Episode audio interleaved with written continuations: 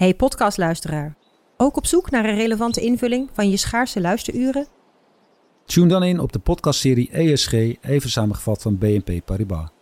Wij, Marloes en Aldert, spreken daar duurzame voorlopers en wereldverbeteraars. Waarover dan? Nou, bijvoorbeeld of we ooit duurzaam kunnen gaan vliegen. En waarom koeien in de stad nou een goed idee is?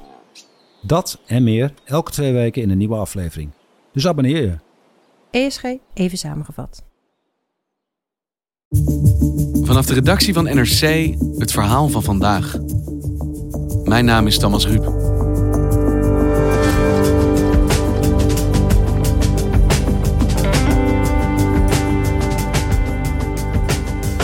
Vandaag begint het strafproces rond MH17. Vier verdachten staan terecht die betrokken zouden zijn bij het neerhalen van het vliegtuig. Ook vanuit Rusland is de aandacht voor deze zaak groot. Maar daar is het doel om twijfel te zaaien over de Russische betrokkenheid, propaganda te verspreiden. Met in de hoofdrol een Nederlander.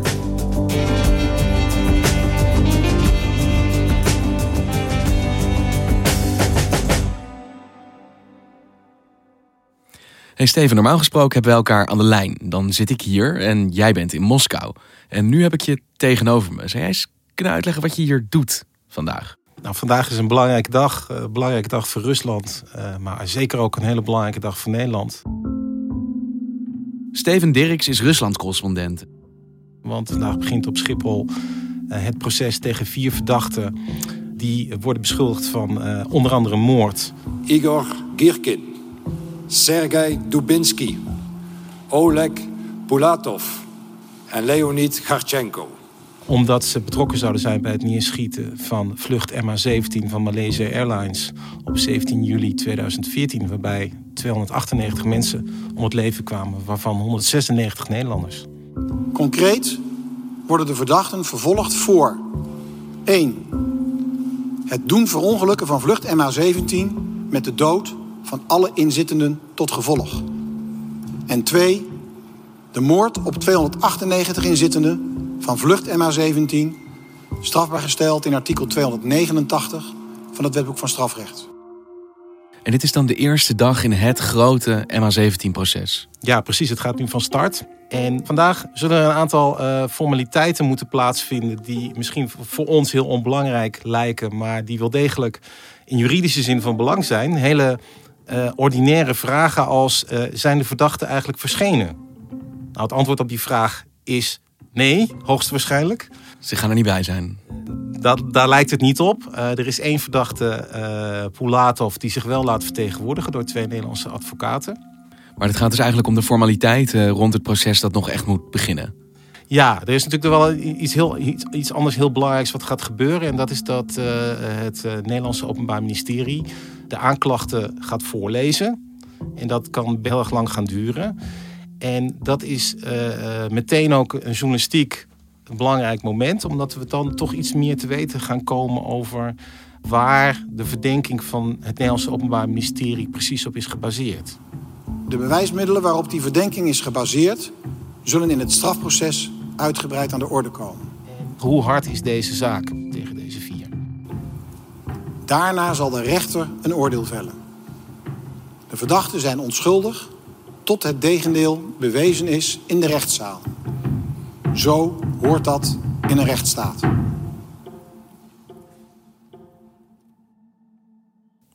En dit is in Nederland natuurlijk nou ja, een gigantisch moment. Dit is eigenlijk een moment waar we sinds de ramp met de MH17 naar hebben uitgekeken. Komt er eindelijk een proces?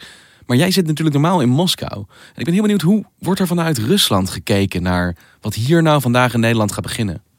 In Rusland is er natuurlijk ook veel aandacht voor. The Russian Defense Ministry has released radar data from the day. Russische media berichten hier ook heel veel over. Maar in Rusland uh, zijn de media bijna volledig onder controle van het Kremlin en die bepaalt de boodschap. What no one disagrees with is that it was Ukrainians who took this plane down, not the Ukrainian. En de boodschap is Rusland heeft dit niet gedaan. This happened within Ukraine. Dit moet Oekraïne gedaan hebben. Ukrainian air traffic control were the legally responsible party in making sure that you don't take a civilian flight over a war zone.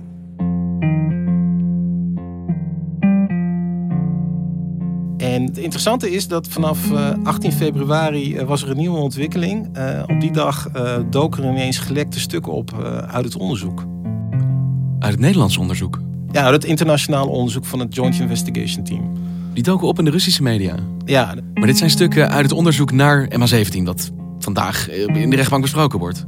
Ja, er zijn dus al verschillende stukken naar buiten gekomen. En het interessante is, is dat er een, een Nederlandse link in zit. Het niveau is heel laag. Het, is, niveau is gewoon heel laag. Ik bedoel, uh, ook als het gaat over MH17. Uh... Uh, je moet je realiseren dat er ook in Nederland mensen zijn die rotsvast van overtuigd zijn dat Rusland valselijk wordt beschuldigd. Het is helemaal niet zo moeilijk om dat uit te zoeken. Je hoeft alleen maar even te kijken naar de officiële papieren. En het staat er gewoon letterlijk in hoe het onderzoek georganiseerd is. Een voorbeeld daarvan is Joost Niemuller, die inmiddels zijn eigen omroep wil beginnen. Dan zie je dus letterlijk dat die Nederlandse onderzoekraad uh, uh, geheel in elkaar geschoven is met de Oekraïense onderzoekraad. Die is er vast van overtuigd dat Rusland wordt geframed. Nou nog waar. Dus het is een hele legitieme vraag. Die heeft helemaal niets te maken met, um, uh, met complotdenken of wat dan ook. Een ander goed voorbeeld daarvan is Kees van der Pijl. Dat is een uh, voormalige hoogleraar van de Universiteit van Sussex, die daar is weggebonzoord omdat hij uh, in het openbaar stelde dat 9-11 het gevolg is van een samenzwering van Israël en Zionisten in de Amerikaanse regering. Dus je voelt al een beetje aan ja. waar dat naartoe gaat. Uh, deze man heeft ook een boek geschreven over MH17. Flight MH17, Oekraïne en de New Cold War. En als je kijkt naar de interviews die worden verzorgd door Café Weltschmerz het, is, uh, het wordt geloof ik ook in Portugees vertaald nu. Hè? Ja, in Brazilië. Daar uh, wordt uh, gesproken over. Rusland krijgt de schuld vanwege de geopolitieke tegenstellingen tussen het Westen en Rusland. Dat boek is in Nederland, nou ja, vrijwel volledig onbekend. Dus het wordt ook niet aangevallen. Het wordt gewoon volledig verzwegen Dood, in de media. Ja, ja. Maar wat je moet realiseren is dat deze mensen in Rusland ineens heel belangrijk kunnen worden gemaakt. Deze man is uh, met open armen onthaald in Moskou. Hier zie je dat, uh, de beelden. Ja. Uh, enorm groot opgezet allemaal. Met een grote persconferentie, met een diner, met Russische politici. Heel veel media ook ja, aanwezig. Ja, ja, hele batterijen camera's dat ik nog nooit gezien. Ja, tenminste niet dat het om mij was. En met serieuze Russische media die hier verslag van deden. Ik stond allemaal te signeren voor mensen. En toen kwamen ze zeggen van opschieten, opschieten, de media wachten. Dus um, um, wat wij niet zien is de rol die deze mensen krijgen binnen het Russische establishment en binnen de Russische media, omdat zij passen binnen het Russische discours. Dat discours is wij worden ten onrechte beschuldigd, wij worden geframed. En dat levert ze dus een aanzienlijk groter podium in Rusland op dan hier. Ja, absoluut. Je zou bijna kunnen zeggen dat de, de, de bekendste Nederlandse journalist op het MH17-dossier is eh, Max van der Werf. Toen ook daadwerkelijk MH17 neergeschoten werd, ja, toen is het ook meteen door mijn kop gaan spoken van wat is hier aan de hand. Ja. En wie is Max van der Werf? Ja, Max van der Werf is uh, bekend voor de mensen die het MH17-dossier volgen als uh, een van de grootste criticasters van het onderzoek. Het is uh, iemand die vanaf 2014 is gaan, gaan bloggen over de vliegramp. En het was natuurlijk ook opmerkelijk dat binnen een paar uur al bekend was dat de Russen het gedaan hadden. Ja. En met welk wapen? Uh, maar dan vooral uh, als criticaster van het onderzoek. Want hij, uh, hij zegt eerlijk, ik, ik sympathiseer met de, de separatisten in de Donbass. En ik ben tegen de regering in Kiev. En vanaf het begin af aan heeft hij gezegd dat onderzoek klopt niet. Die hele campagne, zoals ik het noem, tegen Rusland voordat er ook feiten bekend waren, was alles al duidelijk zogenaamd. En, mhm. Ja, dat heeft alleen maar mijn wantrouwen gewekt. Het interessante is dus dat deze man uh, sinds het afgelopen jaar samenwerkt met een Russische journaliste van Russia Today. I told Jana that it was all in vain. I have already written the joint investigation team more than 10 times. The answer is always the same. We will not give you an interview. We will not answer your En deze journaliste Jana uh, Yerdashova maakte vroeger ook items over MH17. Max, but the head of JIT gave an interview to the Russian Novaya Gazeta. Now, of course, that's the liberal newspaper sponsored by the Dutch government. Right. Het meest fascinerende is dat juist deze twee begonnen zijn met het publiceren van stukken uit het dossier, of in ieder geval uit het onderzoek. En hoe ze daaraan gekomen zijn, ja, dat is natuurlijk een belangrijke vraag обнародовали документы военной разведки Нидерландов по делу. Maar die Nederlandse stukken die rondgingen in de Russische pers, die komen van hen vandaan. Komen van hen vandaan, ja. Голландский журналист Макс Вандерверф задается ключевым из них. А была ли катастрофа? Dus je moet je voorstellen dat uh, wij in Nederland waarschijnlijk niet weten wie uh, Max van der Werf is, maar dat Max van der Werf zo ongeveer de bekendste Nederlandse journalist in Rusland is onderhand. En wat blijkt er dan uit die stukken die zij lekken, die Nederlandse informatie? Wat bewijst die volgens hen? Nou, helemaal niets.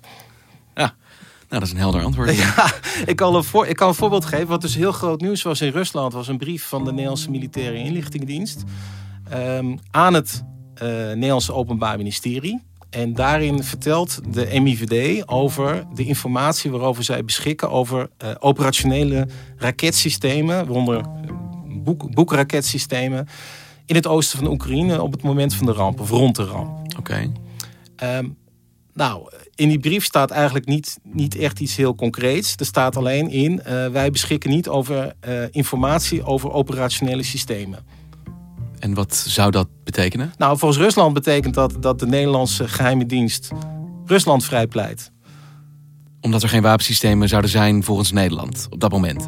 En we zeggen tegelijk, hij is met een boek beschoten. Nou ja, kijk, we kennen de context van die brief natuurlijk helemaal niet. Wat we wel weten is dat het verhaal van het Nederlandse Openbaar Ministerie is dat, uh, dat het raketsysteem in het geheim is aangevoerd in de nacht van 16 op 17 juli 2014. Uh, dat vrijwel meteen nadat het systeem was aangekomen, er is geschoten.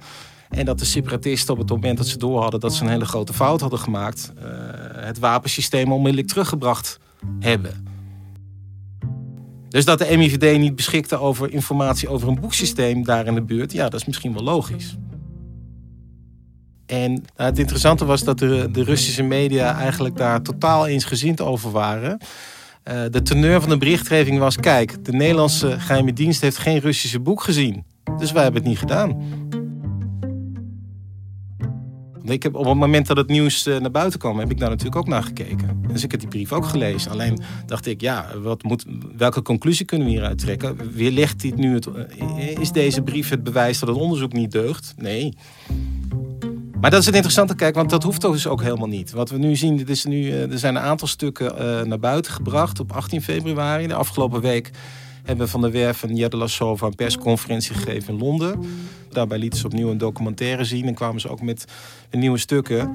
In dit geval uh, notulen van het JIT. Dus functionarissen die met elkaar praten en daar worden notulen van gemaakt. Die zijn vertrouwelijk, vermoed ik. Ja, die zijn vertrouwelijk, maar ook hiervoor geldt, uh, dat, het, het, zag er allemaal heel spannend uit, maar wat, ik kon daar niet iets in ontdekken wat, wat nou heel schokkend was. Dus het is, je krijgt de indruk dat er uh, uh, stukken worden uitgezocht die de indruk moeten wekken dat er iets niet deugt. Maar tot nu toe ben ik niet zo onder de indruk van de inhoud van die stukken. Los van de waarde die ze nou uiteindelijk zullen hebben voor de theorie die ze aanhangen, hoe komen zij aan dit soort vertrouwelijke informatie?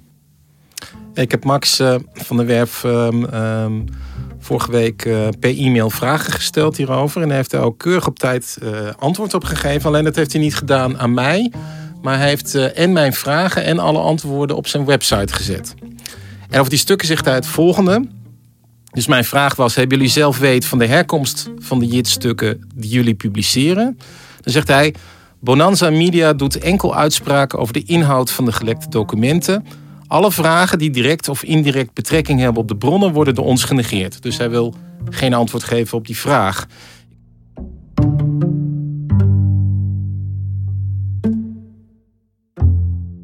En waarom is het voor Rusland zo belangrijk? Waarom steken ze zoveel moeite in om twijfel te zaaien over dit onderzoek? Ja, de eerste reden is natuurlijk dat het gewoon heel gênant is. Als blijkt dat uh, een Russische legereenheid.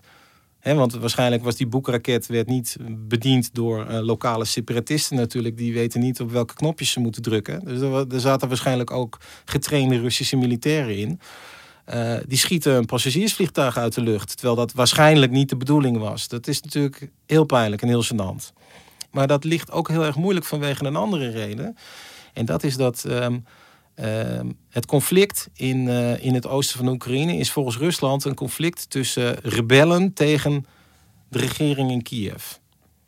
Maar in feite weten we dat de werkelijkheid is, is dat, dit, dat dit een conflict is dat is geprovoceerd en uh, nog steeds wordt aangestuurd door Rusland. Dus eigenlijk is het gewoon een geheime oorlog van het Russische leger tegen Oekraïne. Maar dat wil Rusland ook niet toegeven. En het een kan niet zonder het ander. Als blijkt dat inderdaad dit een Russische raketinstallatie was, dan blijkt dus ook automatisch dat Rusland uh, in het geheim oorlog is aan het, aan het voeren is in het oosten van Oekraïne. Dus ze moeten niet één ding twee, uh, toegeven. Het zijn gelijk twee dingen. Ja, want hoe werkt die beïnvloeding precies? Want de, de, de, Russische regering heeft een belang dat bepaalde verhalen het beter doen in de media dan andere. Of misschien alleen een bepaald soort verhaal in de media komt. Hoe krijgen ze dat voor elkaar? Dat is eigenlijk heel eenvoudig. Er wordt gewoon gezegd, jullie gaan hierover berichten. Letterlijk? Ja, ik heb ooit eens een verhaal gemaakt over uh, uh, een regisseur bij het Russische televisienieuws. En loyaal werkte in de propagandamachine, maar op een gegeven moment vanwege een ander conflict ontslagen is. Mm -hmm. En die vertelde over hoe dat nou eigenlijk werkte. En het werkte gewoon heel simpel. De bazen van het televisienieuws werden gewoon één keer per week naar het Kremlin geroepen. En daar werd gewoon uh, de, de nieuwsagenda van de komende week besproken. Gewoon face-to-face. Alsof onze hoofdredacteur even bij het ministerie van Binnenlandse Zaken wordt ontboden. En de agenda van de week wordt doorgesproken. Ja, precies. Zo makkelijk. Ja. En stel nou, er zitten bij het persbureau TAS... Uh, zitten mensen gewoon rustig een, uh, hun ochtenddienst te draaien. Ineens verschijnt er uh, bericht over een, brief, een, brief van de Nederlandse geheime dienst. Dan weten ze ook hoe ze dit moeten gaan opvatten. Je ontwikkelt dat, intuïtie voor propaganda. Ja, je, je weet hoe je in de pas moet lopen. Ja. En wat belangrijk is om je te realiseren is dat Rusland een land is waarin mensen nog steeds afhankelijk zijn van Russisch-talige media, omdat nog steeds niet heel veel mensen Engels spreken. Dus er zijn uh, maar weinig mogelijkheden om objectief nieuws tot je te nemen. En, en het, de objectieve media die zijn echt uh, op één hand te tellen. Want hoe is dat dan voor jou als correspondent daar als je mensen spreekt over MH17 en eigenlijk iedereen tegen jou zegt, ja, dat is gewoon een complot. En eigenlijk weet je naar jou kijken van, jij trapt erin. Ja, zo gaat het heel vaak. En vaak hebben ze, het leuke is, in het Russisch heb je het heel vaak als er een misdaad is gepleegd. Dan wordt er daarna meteen gezegd, ja, er zijn meerdere versies. Alsof die dan allemaal even belangrijk zijn. Dus je, je, merkt dat uh, in Rusland is men gewend van oudsher om in samenzweringstheorie te denken. Dat zit de Russen in het bloed. Omdat uh, uh, dus er is, is natuurlijk bijna nooit sprake geweest van objectieve media en objectieve verslaggeving, vrije media. Dus ook in Sovjet-tijden was, werd het nieuws gedomineerd door propaganda. Dat gaat zelfs zo ver dat als Russische diplomaten spreken met Nederlandse diplomaten over MH17 en de Russen vragen dan aan die Nederlandse diplomaten van nou vertel eens even welke kant het onderzoek op gaat. En die Nederlandse diplomaten zeggen dan ja dat weten wij niet, want in Nederland is het Openbaar Ministerie onafhankelijk. Ja, dan, dan geloven die Russische diplomaten die Nederlanders niet. Ja, die kletsen wat. Er wordt er gegrinnikt. Ja. Want het verspreiden van nepinformatie en ook dus het verspreiden van daadwerkelijk echte documentatie, maar dan in een soort context die bewijst dat Nederland liegt, ondanks dat dat niet zo is. Heeft dat invloed op de rechtsgang, op het proces dat zich nu gaat ontvouwen vanaf vandaag? Nee, dat denk ik niet. Het idee dat we al lang weten uh, hoe de zaak eruit ziet, is denk ik niet, niet het juiste beeld. Om je even een voorbeeld te geven. Um, er zijn denk ik een uh, 20, 30 tapgesprekken van Russische separatisten zijn beschikbaar online. Uh, we weten dat er tienduizenden tapgesprekken zijn in het dossier. Dus dat geeft uh, een beetje gevoel van de omvang. Is dat ook misschien het interessantste wat er nu de komende tijd gaat gebeuren? Is dat we eindelijk gaan zien wat dat onderzoek behelst en welke bewijzen er nou echt zijn? Ja, heel, op een, he, stap voor stap, uh, in heel veel zittingen, in een heel langzaam tempo gaan we erachter komen. Hoe hard is deze zaak?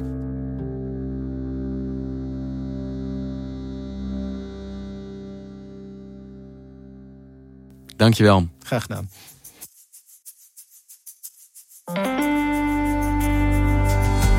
Je luisterde naar vandaag, een podcast van NRC. Eén verhaal, elke dag. Dit was vandaag, morgen weer.